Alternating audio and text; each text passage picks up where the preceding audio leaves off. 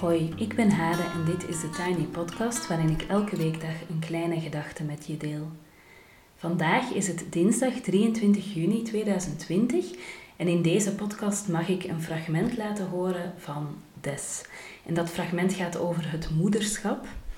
Ehm, Des heeft uh, jarenlang geblogd Ehm, en op dit moment heb ik in mijn handen een boek van haar, wat ze zelf heeft uitgegeven. En dat boek heet Ik ben er ook nog. Ehm, en Des vertelt iets over het waarom van haar boek en ook leest een stukje voor uit het boek. En dat mag ik jullie vandaag laten beluisteren. Ehm, misschien nog even vertellen hoe ik Des ken. ik volgde des al langer uh, online. En uh, toen ik met Tamara Leenaerts de cursus De Vrouwen van Mijn Leven um, in de wereld zette, uh, heeft Des zich ingeschreven om mee dat traject te doen. Um, ik vind het heel fijn om Des als cursiste mee in de groep te hebben. Um, en heel mooi om zo mee te mogen volgen hoe zij reflecteert, welke inzichten ze heeft en hoe zij ook haar rol in de groep opneemt in die cursus. Dus dat vind ik heel fijn en heel bijzonder. Het waarom van mijn boek. Nou, mijn jongste zoontje was uh, twee jaar geworden. En vanaf dat moment ging hij naar de peuterspeelzaal uh, voor twee ochtenden in de week. En dat zou betekenen dat ik meer tijd over zou hebben voor mezelf. En die zomer daarvoor las ik in de Flow magazine iets over een zine. En een zine is een zelfontworpen tijdschrift. En toen dacht ik, ik maak een zin over mijn lievelingsonderwerp, de liefde. En die ga ik dan verkopen voor 2,50 per stuk. En tot mijn verbazing was dat echt zo'n succes dat ik um, heel veel zelfvertrouwen kreeg, eindelijk, uh, voor het schrijven van mijn boek. En ik besloot er ook echt een project van te maken. Dus ik heb een planning gemaakt uit hoeveel woorden moet mijn boek bestaan en hoeveel daarvan kan ik per dag schrijven. En zo kwam het tot een uh, daadwerkelijk boek dat ik helemaal zelf heb uh, uitgegeven. Nou, ik zeg altijd dat het boek over het meest eerlijke, rauwe, kwetsbare kant van het moederschap gaat. Ik schrijf korte verhalen hoe ik het moederschap ervaar met mijn drie kinderen en daarmee uh, bespaar ik mezelf zeker niet. Het boek heet Ik ben er ook nog. En ik heb gekozen voor die titel omdat het soms zo snel gaat, de tijd en hoe snel de kinderen groeien, hoe snel momenten voorbij gaan en die kleertjes die ze zomaar zo snel uh, weer uit zijn gegroeid. En ik soms, zou gewoon soms zo graag willen dat het even stopt, die tijd.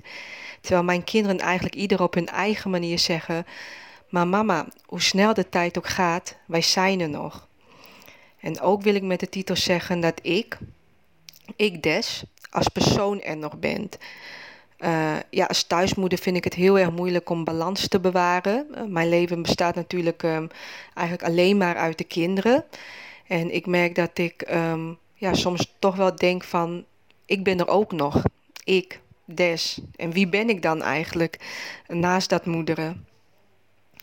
Nou, ik zal nu een uh, stukje voorlezen uit een van mijn lievelingshoofdstukken. Ik vond het heel erg moeilijk kiezen, want ik heb um, ja, bij heel veel uh, stukjes krijg ik gewoon een heel warm gevoel van binnen. Um, maar ik denk dat dit stukje wel heel mooi aansluit um, bij de titel aan wat ik net had uitgelegd. Het is het laatste hoofdstuk uit het boek. Ik schreef dit hoofdstuk ook echt als laatst.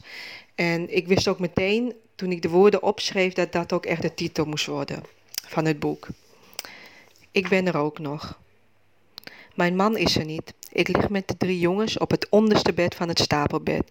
Een portie geluk op een eenpersoonsbed. Dat kan kennelijk. Dat is voldoende. Uit, zeg ik. Maar mijn nummer twee wil nog een keer. Nog één keertje dan, roep ik zuchtens en ik kijk op mijn horloge. Het programma dat ik wil zien begint over een half uur. Nog één keer lees ik voor. Na het voorlezen doe ik nog een spelletje. Ik leg de jongste in zijn ledikant. Ik ga bij nummer twee op bed liggen.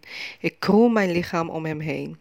Dat spelletje wil ik spelen, zegt de oudste. Wie kent mama het beste? Het is de bedoeling dat ik vragen stel en dat zij moeten raden. Welke trui vindt mama het mooiste? Die roze of die groene? Ze weten precies welke truien ik bedoel. Wat kijk ik liever? Wat vindt mama leuker om, om te doen? Ik eindig het spelletje met de vraag: Wat vindt mama leuker? Kindjes die niet stout zijn of kindjes die slapen? Ze moeten lachen. Na het spelletje geef ik ze nog een kus en een knuffel. Nog maar een kus. Nog een levensbelangrijke vraag beantwoorden van mijn oudste. Nog dekens goed leggen van nummer twee. Ik hou van jullie, zeg ik. En dan zegt nummer twee, ik ook voor jou. Ik kijk naar hem, zijn ondeugende kopie van onder de dekens. Het is ondertussen al ruim drie kwartier later.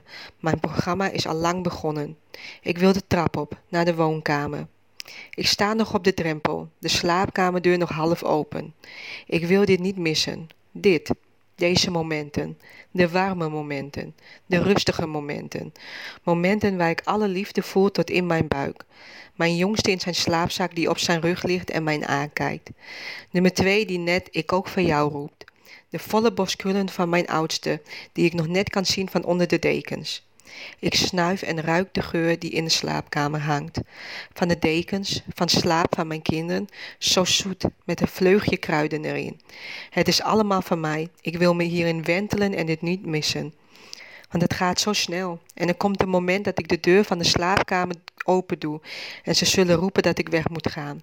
Dat ze zelf stripboeken lezen. Geen kus, geen knuffel, geen zoet geurtje, maar een typische pubergeur. En dat moment, Oh, wat komt dat snel genoeg. Ik zou hier een boek over moeten schrijven, moeten schrijven, realiseer ik me opeens. Dan hoor ik mijn oudste van onder zijn dekens roepen. Ben je er nog, mama? Zou je niet je programma gaan kijken in de woonkamer? Nee, zeg ik. En ik loop weer terug naar nummer twee zijn bed, om daar te liggen. Ik ben er nog. Zullen we nog een spelletje doen?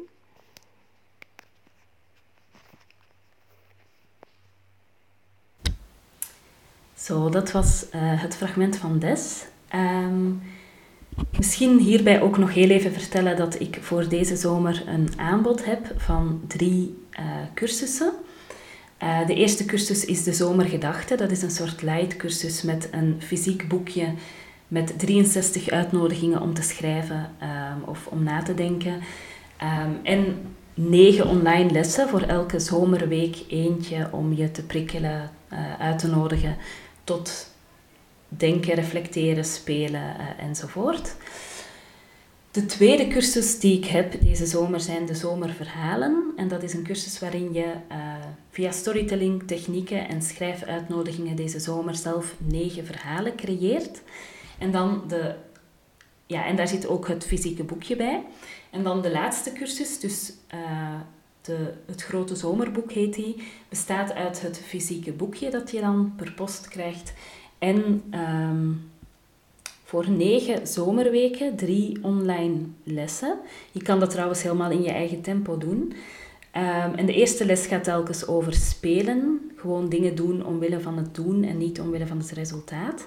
De tweede les gaat telkens over een verhaal en hoe je je aan verhalen kan spiegelen uh, hoe je kan verhouden tot de wijsheid die in verhalen zit. En de derde les gaat telkens over uh, zelf schrijven of zelf vertellen. Um, in de show notes kan je die cursussen terugvinden, net als een linkje naar het boek van Des. Waar we vandaag dus een stukje uit mochten, mee, ja, mochten beluisteren en ook uh, waar we van mochten genieten. Tot zover de Tiny Podcast voor vandaag. Je kan me volgen op Instagram, TheTinyPodcast. En je helpt me door deze podcast wat sterretjes te geven op iTunes, een review achter te laten en of hem door te sturen aan iemand anders die er misschien graag naar luistert.